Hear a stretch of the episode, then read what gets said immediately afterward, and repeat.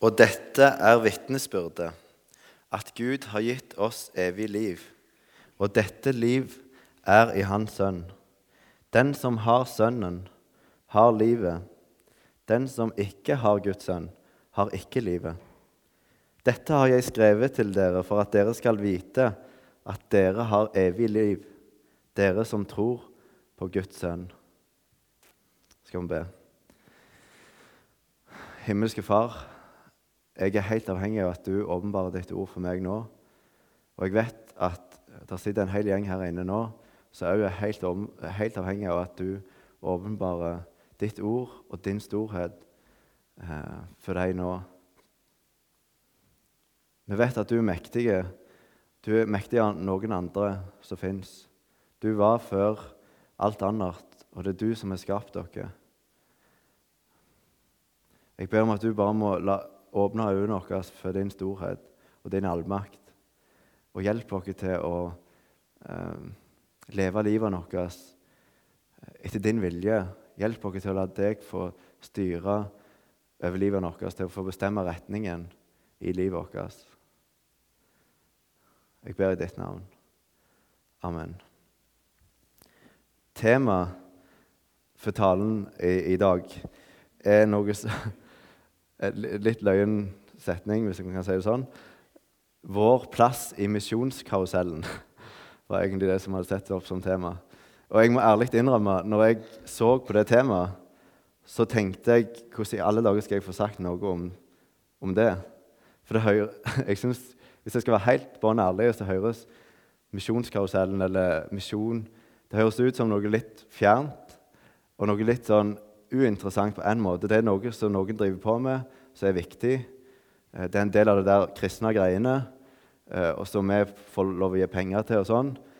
Men hvordan kan jeg si noe som får betydning for mitt liv om det temaet?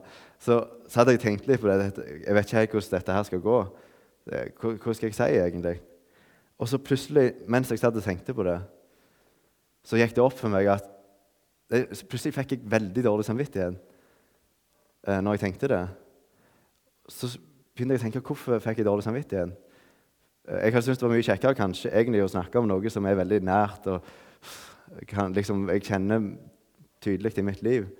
Og så forsto jeg at grunnen til at jeg fikk dårlig samvittighet, var på grunn av at jeg tror det var, det var en grunn til at jeg fikk dårlig samvittighet. Og det var rett og slett for jeg tror at jeg ikke hadde fått øynene opp for virkelig hvor utrolig viktig misjon er. Og så tenkte jeg hvorfor har jeg ikke fått øynene opp for det? Og da tenkte jeg at jeg tror egentlig det handler om at jeg ikke har fått helt opp, øynene helt opp for hvor viktig Jesus er i mitt liv. For Hvis jeg ikke får se hvor viktig han er for meg, eller for naboen min, så kan jeg iallfall ikke synes han er viktig for, for folk i andre land som jeg aldri har hørt om, som jeg aldri møtt, som jeg egentlig ikke bryr meg om. så tenkte jeg at hvis det er mitt problem, så tror jeg kanskje at det er et problem for flere enn meg. Så Derfor vil jeg begynne talen om min plass i misjonskarusellen en litt annen plass. Og Det er nemlig å snakke om, litt om hvorfor, eller hva det handler om med misjon. Hva er det vi går med? Hva budskap er det misjonærene får gå ut med? Hva er det vi skal fortelle til de nærmeste? Eh, hvor vi skal fokus på i lovsangshelga? Fortelle Jesus til de nærmeste. Misjon handler jo nettopp om å gå videre med det, bringe videre det som vi har fått av Jesus. Det budskapet han har fortalt til meg og deg. Det er det vi skal fortelle videre. Eh, og hva er det egentlig Jesus har gjort for deg? Hvorfor kom Jesus til jorda? Det måtte jeg sitte og tenke på. Og når jeg tenkte på det, så, så tenkte jeg ja, hva har egentlig Jesus gjort for meg? Jo, han har frelst meg. Jeg kjenner ikke noe sånn enorm glede når jeg sier det. egentlig. Jeg gjorde iallfall ikke det da. Kanskje dere òg tenker på det. Når jeg sier, for eksempel, Hvis jeg sier hva er, det, hva er det du tenker på i hverdagen nå? Hva er det som opptar deg? Hva er det som gjør deg glad? Hva er det som gjør deg bekymra? Hva er det som gjør deg sint? Jeg vet ikke, men jeg vet at livet mitt blir til av valgene som jeg tar. Jeg har valgt f.eks. at jeg skal gifte meg til sommeren. Og det er jo kjekt. Eh, men det betyr at, at det, det, får en følge for livet mitt. Sant? Nå går jeg og tenker litt på ting som må være i orden til bryllup. og sånne ting. Så vi har bestemt oss for å kjøpe leilighet. Og det, Da må vi tenke litt på det, og det lettere skal være på plass. Og sånn og sånn. Og så skal jeg fullføre eksamener til sommeren, og oppta det livet mitt. Valgene jeg tar i livet mitt, om å studere f.eks., blir bestemmer hvordan livet mitt blir. Eh, og, så, og Sånn har det alltid vært. Sånn er det for deg òg. Jeg vet ikke hva, så, så, hva, slags valg du tar hver dag, men jeg vet at du valgte å komme her, og det er jeg veldig glad for. Eh, men jeg vet at eh, sånn har det alltid vært. Mennesker sine liv blir til av valgene vi tar. Og valgene du tar, tar du som regel på, på grunnlag av ting du tror er godt. sant? Jeg hadde lyst til å gifte meg, derfor valgte jeg å fri til Eline. Og Derfor ble det en del av livet mitt. Og når du valgte å komme her i dag, så var det en grunn for det. Eh, og Jesus òg visste om det. Når han kom til jorda, så kom han og fortalte mennesker at dere må velge å følge meg. La meg få være den som får være deres alt. For å bestemme absolutt alt. Vi sang det i sangen nå tidligere. Så sang vi 'Be my everything'. Vi, ber, vi sier det i den sangen at 'Jesus, vær mitt alt'. Og så sa vi i sangen etterpå at 'Du er min redning, Jesus'. Du er redningen. Alt altså Mitt liv avhenger av deg. Du redda meg. Eh, og det er det Jesus kom og sa. Men hvis det faktisk er sant, hvis det faktisk er sant at Jesus er mitt alt, han er redningen min, eh, så bør det være en grunn for til å være glad. Hvis han er alt, så bør det være han som er grunnlaget for gleden i livet mitt. Så bør det være han, ting som, som har med han å gjøre, som bekymrer meg, og som, som gjør at jeg eh, Som bestemmer retningen på livet mitt. Og jeg tror vi har et problem, problem et kjempeproblem som vi altfor lite snakker om. Eller, eller jeg iallfall sjøl fokuserer litt for lite på. Og det er eh, at, at, vi glemmer det der. Vi glemmer hvor viktig Jesus er i livet vårt. Og, og det jeg tror er, er, viktig, som vi trenger å fokusere litt på, er at grunnen til at vi, jeg og du, altfor sjelden kanskje kjenner den gleden over, og takknemligheten over det Jesus har gjort, og vi klarer å forstå litt av hva det er han har gjort for deg, at han har gitt deg et nytt liv Det tror jeg er pga. at djevelen går rundt og gjør alt han kan for at vi skal ikke få, få øynene opp for det. For jo mer vi sitter ned og, og, tenker at det der er noe sånn kjedelig greie så, Ja, jeg er kristen, han er frelst meg, kjempeflott, jeg skal til himmelen. Og så fortsetter jeg med livet mitt eh, med de andre tingene, og så tar jeg det fram litt. Jeg er frelst, Jesus er og vi må, vi må fortelle det videre, og sånn og sånn. Men det, liksom ikke, det, får ikke komme inn i livet til en sånn plass at vi kjenner at å, Jesus har frelst meg. Dette må vi fortelle videre. Og så, og så får vi ta det med oss i alle valgene vi gjør i livet. Eh, og så får det bestemme retningen i livet vårt. Jeg tror, jeg tror vi altfor sjelden, eller vi altfor ofte glemmer at djevelen sin hovedoppgave er å, å gjøre sånn at du og meg glemmer vekk viktigheten av det. Og Derfor er det så kjekt at vi kan samles her og synge lovprise Gud og fortelle han det. 'Jeg vil at du skal være mitt alt.' Og så kan vi få be om at han må, må åpne opp øynene våre, sånn at vi får se hvor stort det er det han har gjort for oss. Og hva var det Jesus gikk rundt og sa? Han gikk rundt og sa at dere mennesker som lever livene deres på jorda, og opptatt av de tingene, jobb, eh, familie, alt mulig sånn Jeg har et nytt liv til dere. Hvis dere tar imot meg, hvis dere følger meg, så, jeg, så, så dere, får dere nytt liv. Dere blir født på ny. Og Det høres jo veldig merkelig ut, for jeg kjenner kun det livet som jeg lever nå. Men det var det Jesus sa. Han sa at hvis dere tror på meg, så har dere fått et nytt liv, og det livet varer evig. Selv om dere dør, så har dere det livet. Og dere må følge meg for å komme der. Og det livet, det, det handler om en himmel. Du skal få treffe Gud som har skapt deg livet, det livet som du blir født på ny til, det er det som virkelig er livet. Det er det eneste livet som gir mening. Det var det Jesus gikk rundt og sa. Og han setter himmel og jord bevegelse praktisk talt for at du og meg skulle få høre om det. Det er et utrolig viktig tema eh, og utrolig viktig budskap. Hvis du, hvis du har tatt imot Jesus, så sitter du her og har fått et nytt liv. Du kjenner at du drar på det gamle eh, mennesket. Det gjør iallfall jeg. Der, så så djevelen får makt over mange ganger, mange flere ganger enn han burde. Der jeg ikke kjenner inspirasjon og glede over den frelsen jeg har. Men Jesus har sagt til oss, sånn som vi leste i verset tidligere, at du som har tatt imot Jesus, du har det nye livet. Du har et nytt liv som aldri kan bli tatt ifra deg. Og det, det er det aller viktigste du noen gang kan få ha i eie. Og så er Problemet vårt at vi altfor mange ganger blir opphengt i det livet som er her nå. Ok, Det høres veldig kjekt ut med, med en himmel, med et evig liv i himmelen. Jeg tror jeg skulle likt å møte de hvis de fikk høre at det fins en himmel. Når du dør, så er det ikke alt slutt. Da kommer du til, da skal det være en evighet i en himmel, en plass som bare er fantastisk god. Jeg lurer på hvem det er som ikke vil der, hvis det faktisk fins. Jeg, jeg, tror alle mennesker vil det. Hvis de, hvis de får, blir overbevist om at det fins en himmel en gang du kommer til etter, etter døden, så vil du selvfølgelig der. Og Derfor lurer jeg litt på hvorfor vi så lett glemmer å fokusere på det. Glemmer, hva er det som gjør det? Eh, og jeg, jeg, tok med meg Noen av dere har hørt kanskje denne før, men det får bare være. Um, jeg tok med meg et tau. Skal vi se må bare finne enden på det her.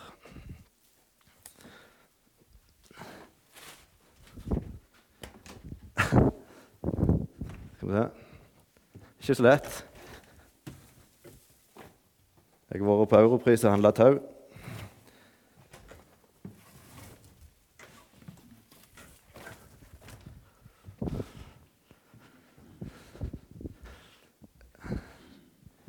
Hvis du ser før Ja, ikke ved siden av skolen, men ja.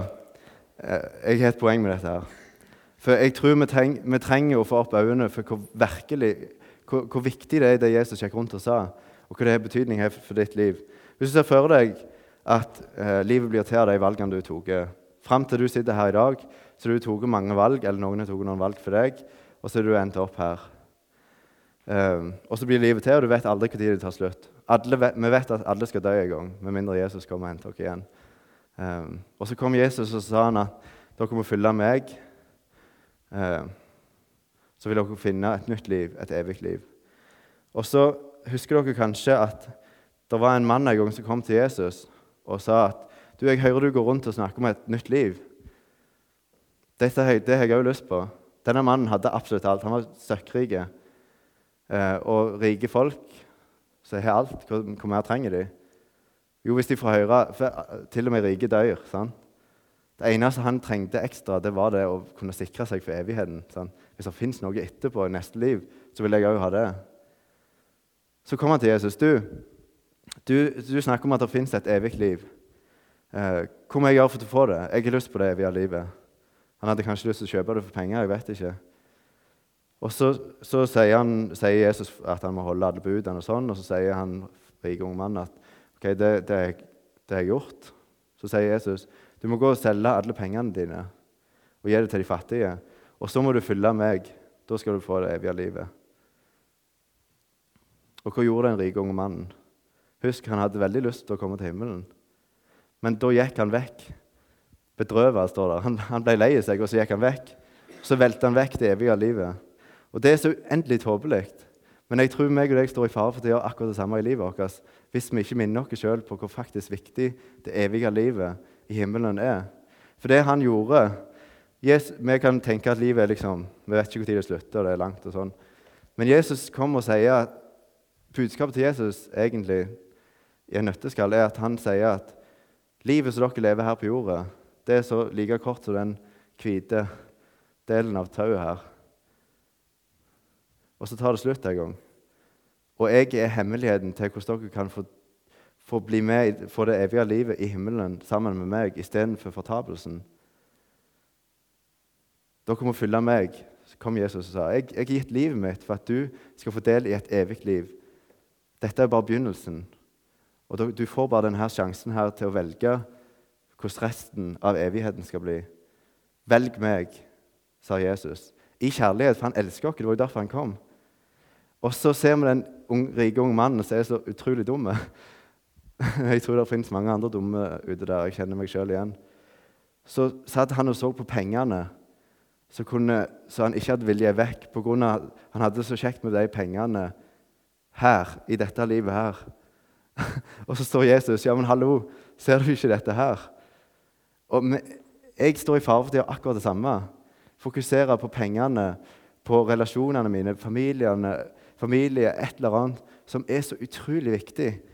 Eh, og pensjon Jeg håper jeg får en god pensjon en gang i tida. Det tenker ikke jeg på nå, men det kommer jeg til å tenke på kanskje en gang. Eh, du tenker, planlegger og styrer og stresser, og så kommer Jesus og sier vet du hva? Jeg kommer med noe som er mye større enn denne verden som dere kjenner til. Det er noe som overgår det fullstendig. Da, hvis dere får øynene opp for dette, så trenger dere ikke bekymre dere. Dere får del i et liv som varer evig. Om dere dør, om, om dere blir forfulgt, om dere mister alt dere kjenner og føler som trygghet, så er det ingenting å si, for dere, har fått et nytt liv, et evig liv. Um, er det noe som er bedre enn det? Og når jeg da satt og tenkte på misjon, det er kjedelige greier, og etterpå tenkte på dette her, så tenkte jeg misjon er utrolig viktig. Det går så mange folk rundt i verden som aldri har fått hørt om at livet er lenger enn dette her, og at Jesus er nøkkelen til det livet. Og du og meg sitter på den hemmeligheten. Vi sitter med, med den informasjonen. Jesus fortalte det til oss, og vi er, kan fortelle det videre.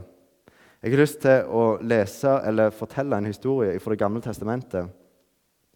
Eh, I andre kongebok, kapittel 6, vers, fra vers 24.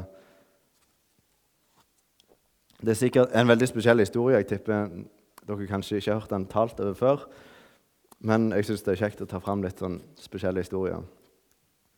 Det var en, det var en hungersnød i, i, Samaria. Den hadde vart ganske lenge. Så fant Syria, et land, naboland, ut at ok, vi vil innta Vi vil gå og ta Samaria. Så fant de den e, enkleste måten å gjøre det på for å spare folk. og sånn. Det var bare å omringe byen og ikke skyte noen piler. eller noen ting. De skulle bare slå leir rundt byen, sånn ingen kom seg inn og ingen kom seg ut. Og Det fungerte veldig godt, for de hadde, de hadde jo ikke mat. Det var hungersnød. Så folk i byen ble helt desperate. Faktisk så desperate Det er helt forferdelig egentlig å lese det.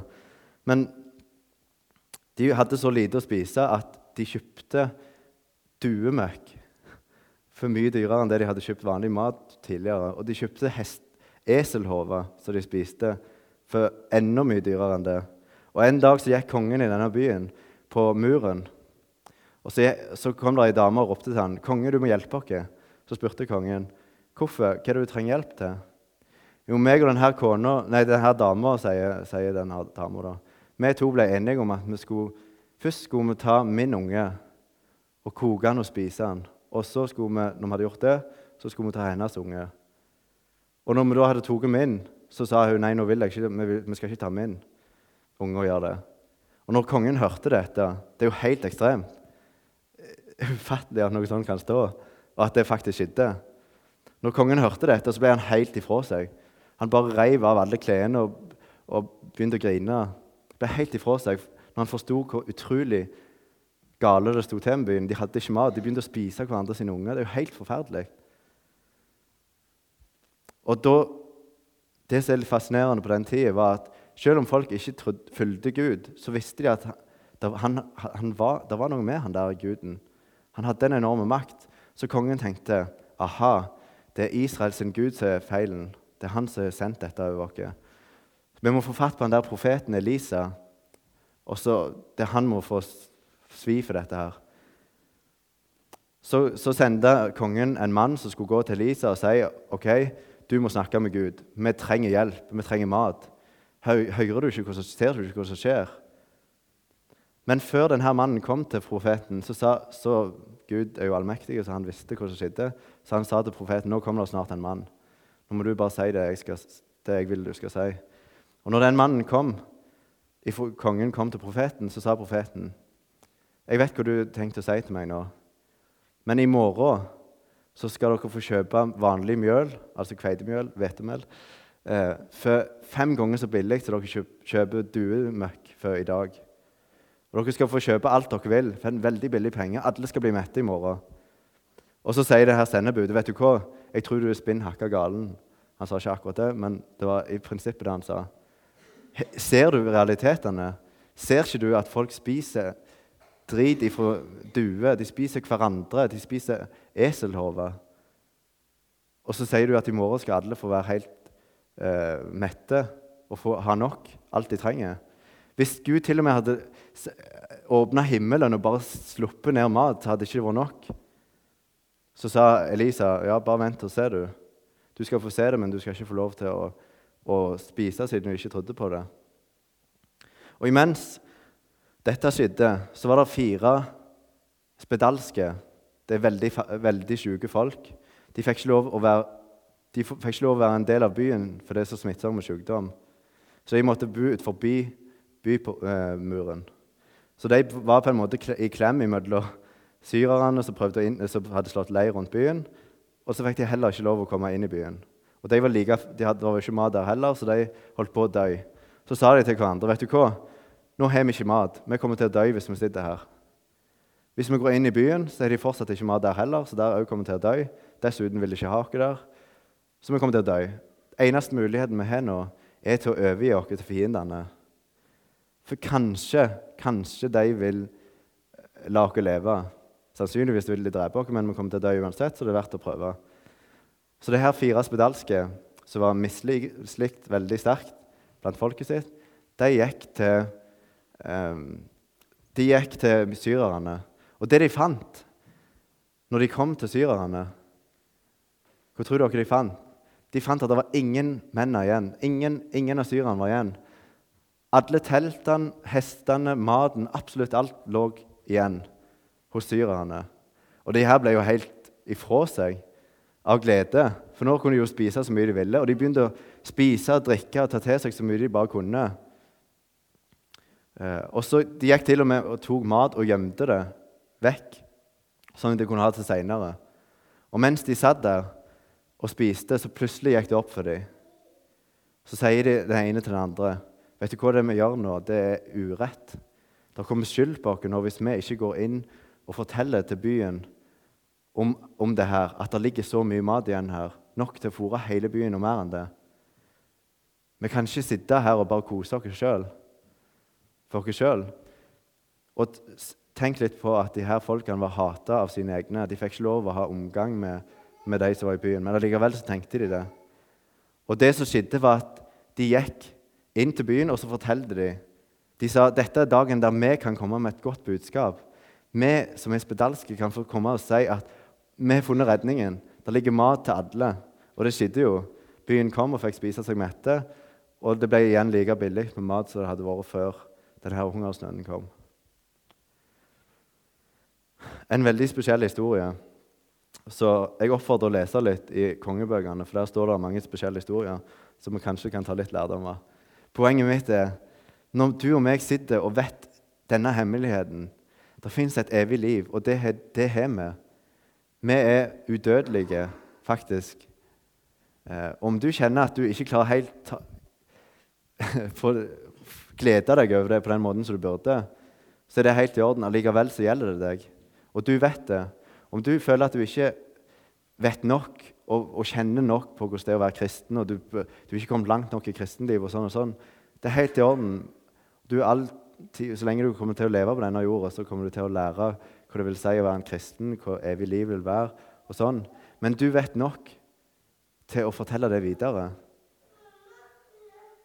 Vi veldig, vi har en tendens til å tenke at vi må liksom bli utlært. Jeg, jeg kan ikke gå og fortelle eller sånn. Jeg kan ikke gjøre så veldig mye. Men det kan vi. Og det kommer faktisk skyld på oss hvis vi sitter og ikke lar oss engasjere.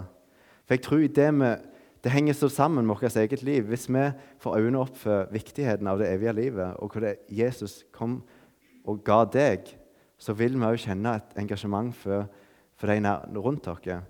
Og i, Jeg satt og prøvde å finne ut litt av hvor mange folkeslag det finnes i verden som ikke har hørt om Jesus. Og det er faktisk 6500 folkeslag ennå der det er mindre enn 2% kristne. Det vil si at det fins noen i de ca. 2% eller mindre i de 6500 folkeslagene. Men i 1500 folkeslag altså 1500 folkeslag har ennå ikke hørt om Jesus i det hele tatt. Aldri. 1500 folkeslag. Nordmenn er ett folkeslag. Og hva gjør vi med det? Kan vi sitte som, som de spedalske og bare tenke at dette angår ikke altså, De forklarer seg sjøl. Jeg vil kose meg med maten sjøl? Kan vi gjøre det? Jeg tror ikke vi kan det. Og det jeg vet at alle vi her inne kan gjøre, det er å gi penger og støtte opp om arbeidet, eh, misjonsarbeidet. De som er ute. Det vet jeg at vi kan gjøre, for vi har penger. Mange, mye mer enn andre her. Dette handler ikke om at jeg vil at nå når vi skal ha kollekt etterpå, så skal vi få en statistikk som viser at oh yes, på dette møtet fikk vi veldig mye penger inn. Det er veldig kjekt hvis vi gjør det, men det er ikke det som er poenget. Poenget handler om at hvis du tror at dette er sant for deg, og at det er så viktig at du har et evig liv, så er det like viktig for alle de 1500 eller 6500 folkeslagene som ennå ikke har fått hørt om det. Og Da trenger vi å gjøre alt vi kan for at de òg skal få del i det. Sånn at de òg kan forstå at dette, den verden som vi kjenner her, er bare en liten del av, av den mye større verden som, som, Gud har skapt, og som er klar for, for menneskene som han har skapt. Um, ja.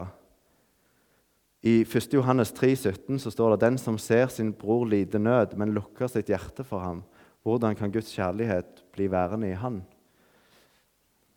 Vi, vi trenger å ikke lukke hjertene våre.